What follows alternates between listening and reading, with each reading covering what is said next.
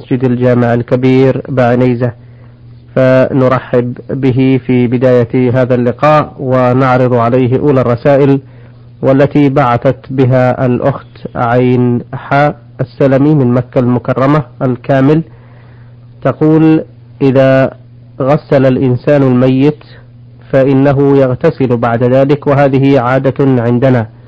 ولكن بعض الناس يقول إذا اغتسل الإنسان بعد غسل الميت فإنه يفقد الأجر الذي اكتسبه. فهل هذا صحيح؟ الحمد لله رب العالمين وأصلي وأسلم على نبينا محمد وعلى آله وأصحابه أجمعين. تغسيل الميت من فروض الكفاية لأن النبي صلى الله عليه وسلم قال في الذي وقصته راحلته اغسلوه. وكذلك ابنته لما توفيت قال للنساء غسلنها. فإذا غسل الإنسان الميت وباشر تغسيله فإنه يسن له أن يغتسل بعد ذلك. وإذا اغتسل بعد ذلك فإنه لا فإنه لا يذهب أجره. لأنه عمل عملا صالحا بل فرضا من فروض الكفاية. فإذا كان مخلصا لله تعالى في ذلك ناله الأجر. واغتساله لا يؤثر شيئا في أجره إطلاقا. بل إن اغتساله مما يثاب عليه كما قال أهل العلم إنه سنة. وكم من أشياء يقولها العامة ليس لها أصل. ولهذا ينبغي للإنسان أن لا يعتمد على ما يقوله العامة حتى يسأل أهل العلم فيبين فيه الخطأ من الصواب.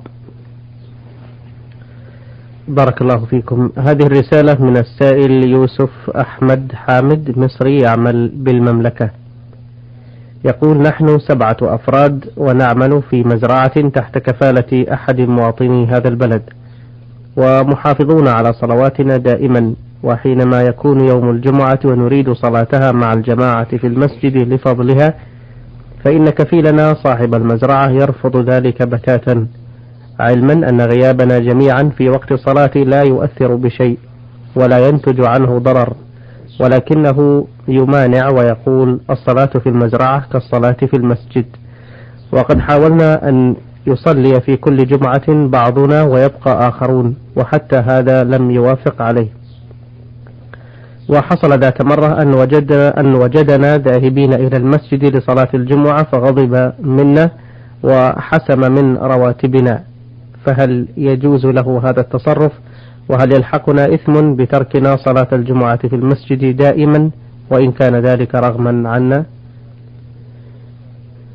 هذا السؤال يحتاج في الجواب عليه إلى أمرين. الأمر الأول بالنسبة للكفيل فإنه ينبغي له أن يكون معينا لكم على طاعة الله وإعانته لكم على طاعة الله مما يجلب له الخير والبركة فيما تعملون فيه. فلو أنه أذن لكم بالصلاة في يوم الجمعة لتشاركوا المسلمين وربما تدعون له دعوة تنفعه في دنياه وأخراه لكان ذلك خيرا له وأعظم أجرا. ولكن الفضل بيد الله يؤتيه من يشاء والله ذو الفضل العظيم. أما الأمر الثاني مما نحتاج إليه في هذا الجواب فهو صلاة الجمعة بالنسبة إليكم. إذا كنتم بعيدين عن البلد لا تسمعون الأذان فإن الجمعة لا تجب عليكم لأنكم معذورون في ذلك. وإن كنتم قريبا من البلد وتسمعون النداء فإنكم تصلون الجمعة. لقوله تعالى يا أيها الذين آمنوا إذا نودي إلى الصلاة من يوم الجمعة فاسعوا إلى ذكر الله وذروا البيع. وأنتم والحمد لله من المؤمنين الداخلين في هذا الخطاب فعليكم أن تصلوا صلاة الجمعة. ولكن إذا منعتم من ذلك قهرا فإن الإثم يكون على من منعكم.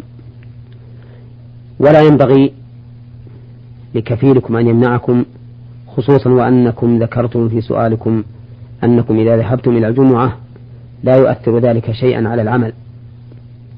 فالذي أرجوه من هذا الأخ الكفيل أن يأذن لكم بالصلاة مع المسلمين في الجمعة وبحول الله لن يجد إلا الخير والبركة. السؤال الثاني يقول ما حكم نقض الاتفاق بين الأجير وصاحب العمل استغلالا لحاجته لمعرفته بأنه سيرضخ لطلباته؟ فقد حصل أن اتفقنا مع هذا الكفيل على أن يعطينا راتبا شهريا ويتحمل هو مصاريف الأكل والشرب. وبعد مضي مدة رجع في كلامه وقال تحملوا أنتم مصاريف أكلكم وشربكم فإن رضيتم وإلا فعودوا إلى بلدكم. وتحت وطأة الحاجة والضرورة عندنا رضينا بذلك فهل يجوز له ذلك بعد أن وافق على شرطنا ونحن في بلدنا؟ لولا أني أخشى أن يكون هذا العمل أو هذه المعاملة السيئة موجودة مع غير كفيلكم لما أجبت عليها. ولكني أقول إن هذا العمل عمل محرم وهو غير لائق بالمؤمنين. لأن الله تعالى يقول يا أيها الذين آمنوا أوفوا بالعقود. ويقول سبحانه وتعالى وأوفوا بالعهد. إن العهد كان مسؤولا. وإذا كان الاتفاق بينكم وبين هذا الرجل على أن يقوم بما عزمتموه ثم بعد ذلك يستغل الفرصة فيمتنع من إقامته ويقول إما أن تبقوا ويكون المصروف عليكم أو ترجعوا إلى بلادكم. فلا شك أن هذا والعياذ بالله عمل محرم وخداع لا يليق بالمؤمن. فنصيحتي له أن يخاف الله تعالى ويتقيه وأن يعلم أن الظلم ظلمات يوم القيامة وأنكم سوف تتعلقون به يوم القيامة مطالبين بحقكم. يوم يفر المرء من أخيه وأمه وأبيه وصاحبته وبنيه. وأن يعلم أن ما خلفه من هذا المال الذي وفره بهذه الطريق المحرمة فإنه يكون عليه نارا والعياذ بالله يعاقب عليه يوم القيامة ويكون ثماره لمن يأتي بعده من الورثة. إنني أؤكد عليه ما دام في زمن المهلة وزمن الحياة أن يتقي الله عز وجل وأن يرد إليكم ما اتفقتم معه عليه وأن يتحللكم مما صنع بكم من هذه المماطلة وهذه المخادعة. ونسأل الله لنا وله حسن الختام والعاقبة الحميدة.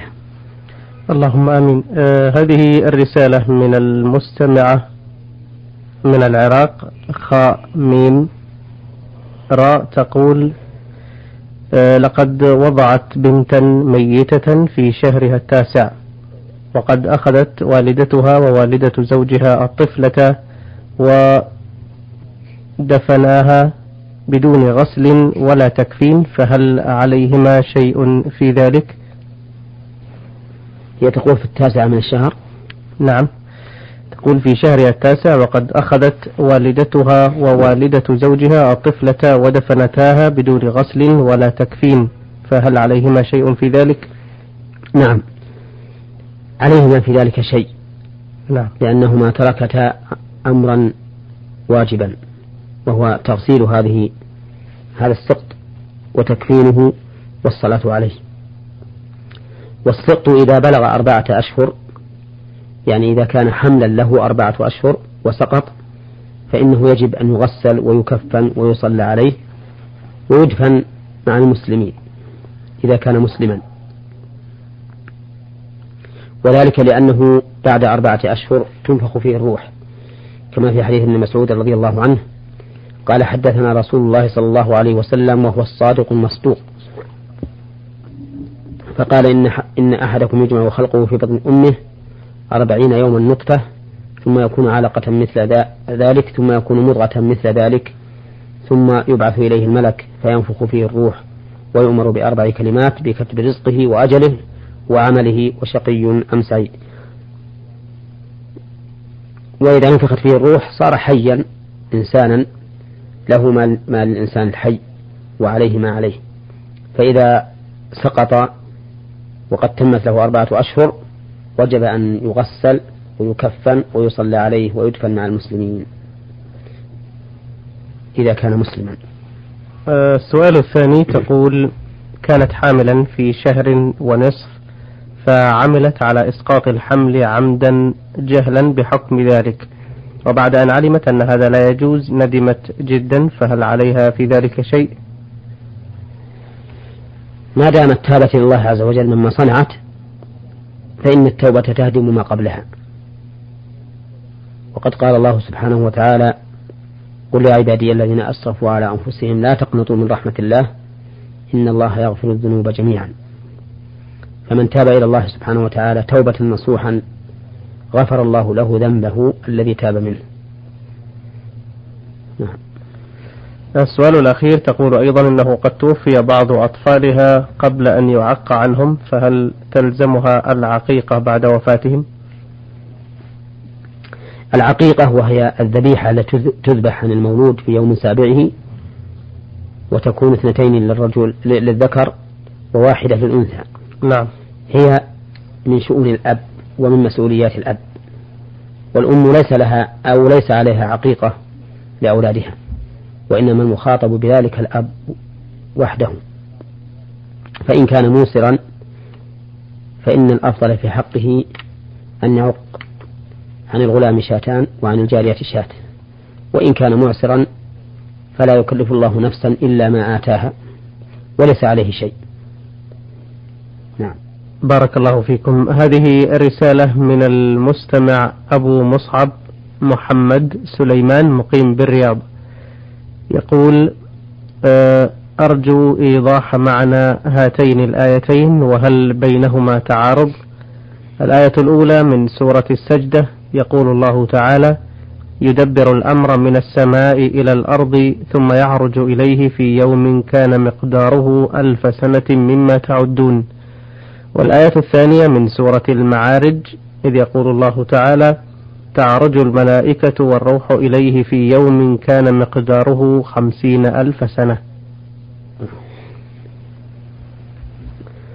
قبل الإجابة على هذا السؤال أود أن أبين أنه ليس في كتاب الله ولا فيما صح عن رسول الله صلى الله عليه وسلم تعارض أبدا وإنما يكون التعارض فيما يبدو للإنسان ويظهر له إما لقصور في علمه إما لقصور في فهمه أو لنقص في علمه. وإلا فكتاب الله وما صح عن رسوله صلى الله عليه وسلم ليس فيهما ليس فيهما تعارض إطلاقا.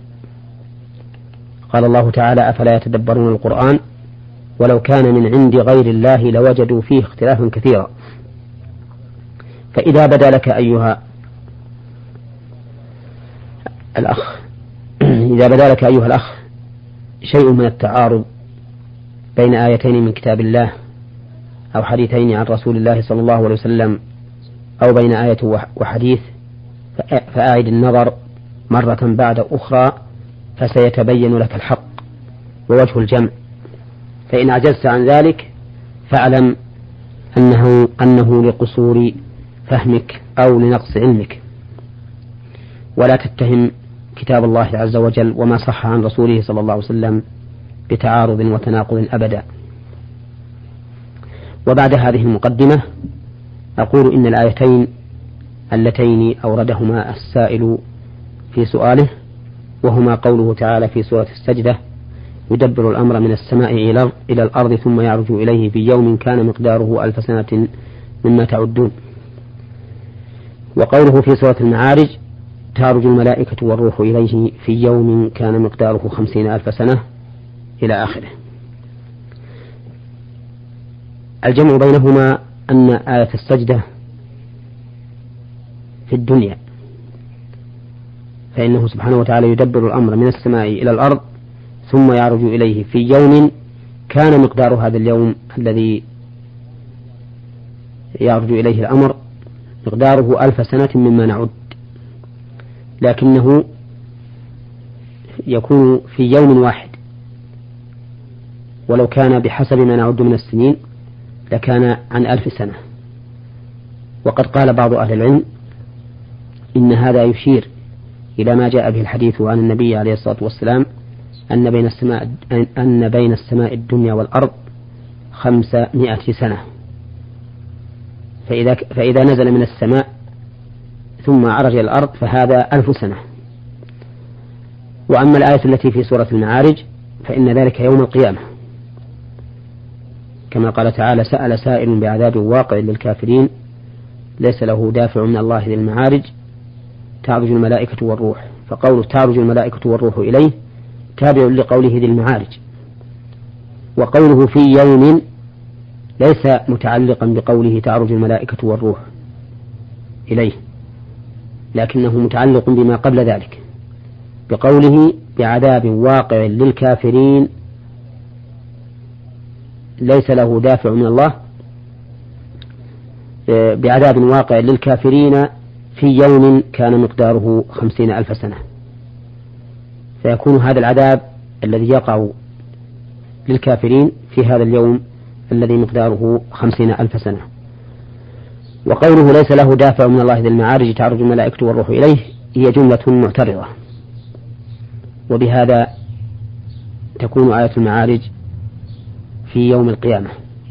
وقد ثبت في صحيح مسلم من حديث أبي هريرة في قصة مانع الزكاة أنه يحمى عليها في نار جهنم فيكوى بها جنبه وجبينه وظهره كلما كلما بردت أعيدت في يوم كان مقداره خمسين ألف سنة.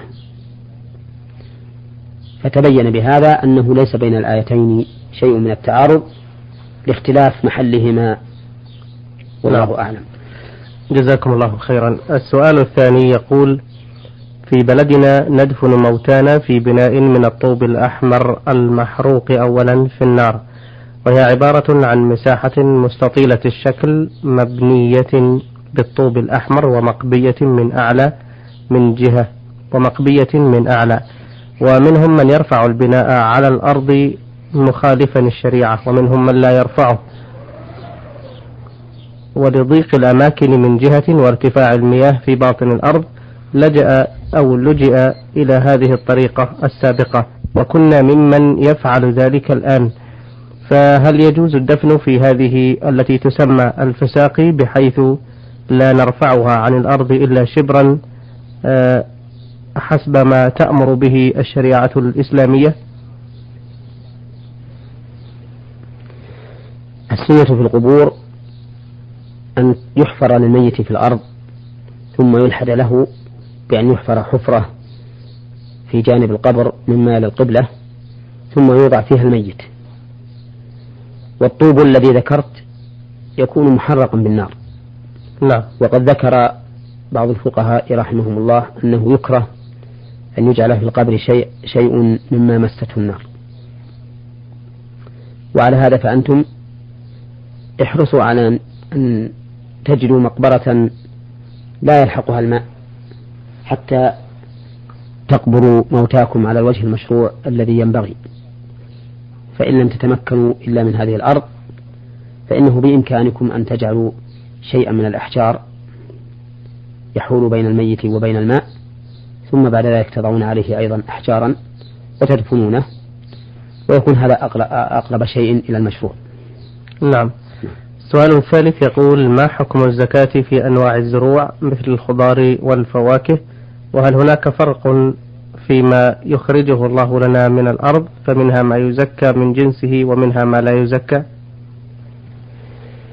هذه المسألة مما اختلف فيه أهل العلم اختلافا كثيرا. والراجح عندي أنه لا لا تجب الزكاة إلا فيما يكال ويدخر. لقول النبي صلى الله عليه وسلم ليس فيما دون خمسة أوسق صدقة. والوسق ستون صاعا بصاع النبي صلى الله عليه وسلم. فما لا يكال ولا يدخر لا ينطبق عليه هذا الوصف إذ أنه ليس موثقا ولا مكيلا. ويرى بعض أهل العلم أنه تجب الزكاة في كل خارج من الأرض. ويرى آخرون أنها إنما تجب في أنواع معينة من الحبوب. ولكن الذي يظهر لي هو أنها تجب في كل مكين مدخر كما يشير إليه الحديث حديث أبي هريرة ليس فيما دون خمسة أوسق صدقة. والله أعلم. آه، إذا بالنسبة لما لا يكال ولا يدخر تزكى قيمته؟ بالنسبة لما لا يكال ولا ولا يدخر كالفواكه؟ نعم. من تفاح وبرتقال وغيرهما ليس فيه ليس فيه زكاة هو بنفسه. في عينه نعم. ولكن قيمته إذا بقيت عند الإنسان حتى حال عليه الحول تجب فيها الزكاة لأنها من النقدين أو ما يقوم مقامهما. نعم. يعني حتى لو لم يكن آه، يربح منهما شيئا يعني للاستعمال الخاص أو نعم. للأكل منها فقط. أي نعم. لأن لأن النقدين أو ما يقوم مقامهما نعم. كالأوراق النقدية تجب فيها الزكاة على كل حال سواء كان الإنسان يتكسب فيها أو لا يتكسب. حتى لو أعدها لشؤونه الخاصة من النفقات أو لزواج أو لشراء بيت يسكنه أو ما أشبه ذلك فإن فيها الزكاة في كل حال. إذا إذا مضى عليها الحول نعم, نعم. آه، السؤال الأخير يقول فتاة نشأت في أسرة مسلمة بالإسم وأفعالهم تخالف الإسلام فالأم متبرجة ولا تصلي والأب كذلك لا يصلي والأخ يأتي بأصدقائه الغرباء ويحاول إجبار أخته على الجلوس معهم وتقديم المشروبات لهم. وهم يلعبون الميسر إلى غير ذلك.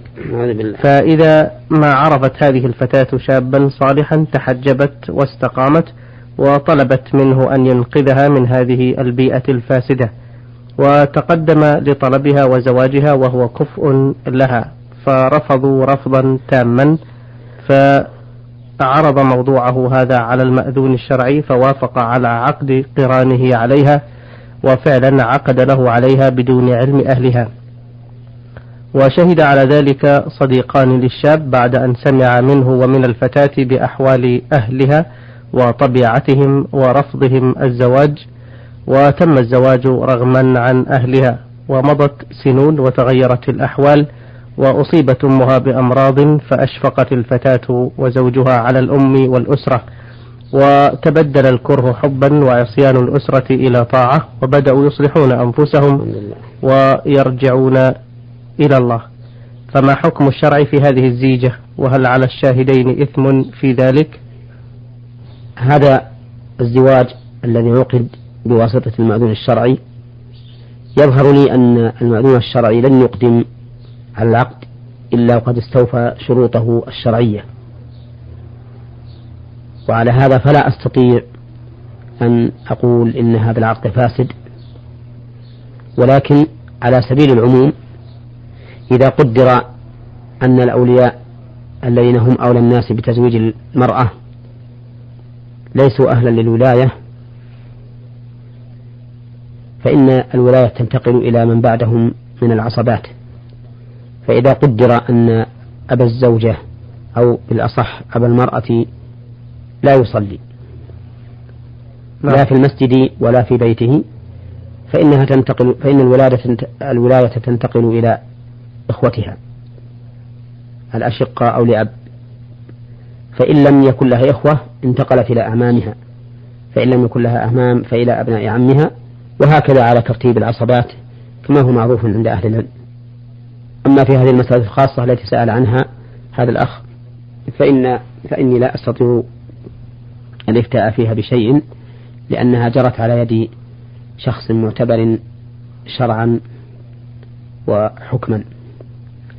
ولكني في ختام جوابي هذا أهنئ أهل هذه المرأة الذين من الله عليهم بالرجوع إلى الإسلام والتوبة من الآثام. وأسأل الله تعالى أن يثبتنا جميعا بالقول الثابت في الحياة الدنيا وفي الآخرة وأن يهب لنا منه رحمة إنه هو الوهاب. نعم. أه، بارك الله فيكم. هذا السؤال من المستمع فتح الله أبو العينين مصري من محافظة الغربية. يقول حصل بيني وبين أهل زوجتي خلاف مما أجبرني على منع زوجتي من الذهاب إلى أهلها. وقلت لها إن ذهبت لأهلك تكوني على ذمة نفسك. ثم سافرت بعد ذلك إلى العراق سعيا للرزق والاكتساب وعلمت بأنها ذهبت بعد ذلك. فهل تلزمني كفارة يمين أم أنها تكون رجعية بطلقة واحدة؟ وهل قولي لها تكوني على ذمة نفسك يعتبر طلاقا أم لا؟ أولا قبل الإجابة على سؤالك أقول إذا كانت الخلافات التي بينك وبين أهلها خلافات شخصية فلا ينبغي لك أن تمنعها من زيارة أهلها. اللهم إلا أن تخشى أن يفسدوها عليك. وأما بالنسبة لما أوقات عليها من الطلاق إن ذهبت إليهم فإن كنت قد أردت وقوع الطلاق فإنها تطلق وتكون الطلقة هذه رجعية إن لم يسبقها طلقتان. وإن, وإن كنت تريد تهديدها ومنعها من الذهاب إلى أهلها دون وقوع الطلاق فإنه لا طلاق عليك وإنما عليك كفارة يمين. لقول النبي صلى الله عليه وسلم إنما الأعمال بالنيات وإنما لكل امرئ ما نوى. وكفارة اليمين هي كما ذكر الله عز وجل إطعام عشرة مساكين أو كسوتهم أو تحرير رقبة فمن لم يجد فصيام ثلاثة أيام. جزاكم الله خيرا. أيها الإخوة الأعزاء في نهاية هذا اللقاء نتوجه بشكرنا الجزيل إلى الشيخ محمد بن صالح العثيمين. المدرس بكلية الشريعة بجامعة الإمام محمد بن سعود الإسلامية بالقصيم وإمام وخطيب المسجد الجامع الكبير بعنيزة على إجابته عن أسئلتكم في هذه الحلقة. وقد كانت الإجابة عن أسئلة الإخوة الأخت عين حاء السلمي من مكة المكرمة الكامل والأخ يوسف أحمد حامد مصري يعمل بالمملكة والأخت خاء ميم زا من العراق والأخ أبو مصعب محمد سليمان مقيم بالرياض والأخ فتح الله أبو العينين مصري من محافظة الغربية. إخوتنا الأعزاء نشكركم أيضا على حسن